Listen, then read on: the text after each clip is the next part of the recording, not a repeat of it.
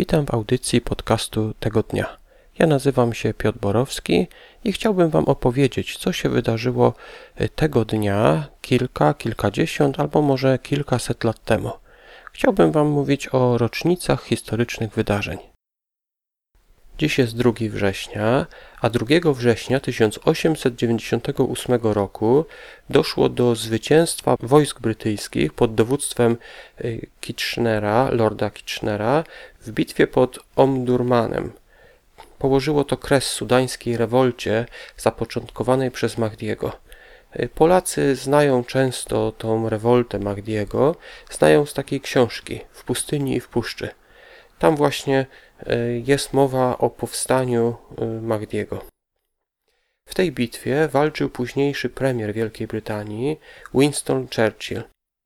E, Kitchener postanowił przypieczętować swoje zwycięstwo szarżą 21 Regimentu Lancierów, a w tym właśnie regimencie był późniejszy premier, czyli Winston Churchill. Dlaczego Brytyjczycy wygrali? Ich wojska były o połowę albo może nawet trzy razy mniejsze, ale były o wiele lepiej uzbrojone. Brytyjczycy mieli swój obóz otoczony takimi kolczastymi krzewami, a i ten obóz przylegał do Nilu. Na Nilu stały uzbrojone kanonierki, które były, mogły strzelać. Y, tam też były szpitale i to także wykorzystywano do transportu.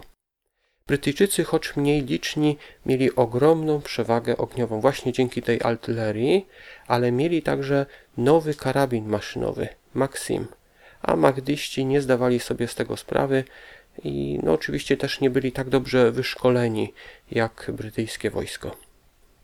Dzisiaj tylko jedna data, 2 września 1898 roku, czyli koniec y, rewolty Magdiego, którą Polacy znają z książki W pustyni i w puszczy. Jest to bitwa pod Ondurmanem, w której między innymi walczył Winston Churchill. To była audycja podcastu tego dnia. Dziękuję Wam za wysłuchanie i do usłyszenia przy omawianiu następnej rocznicy.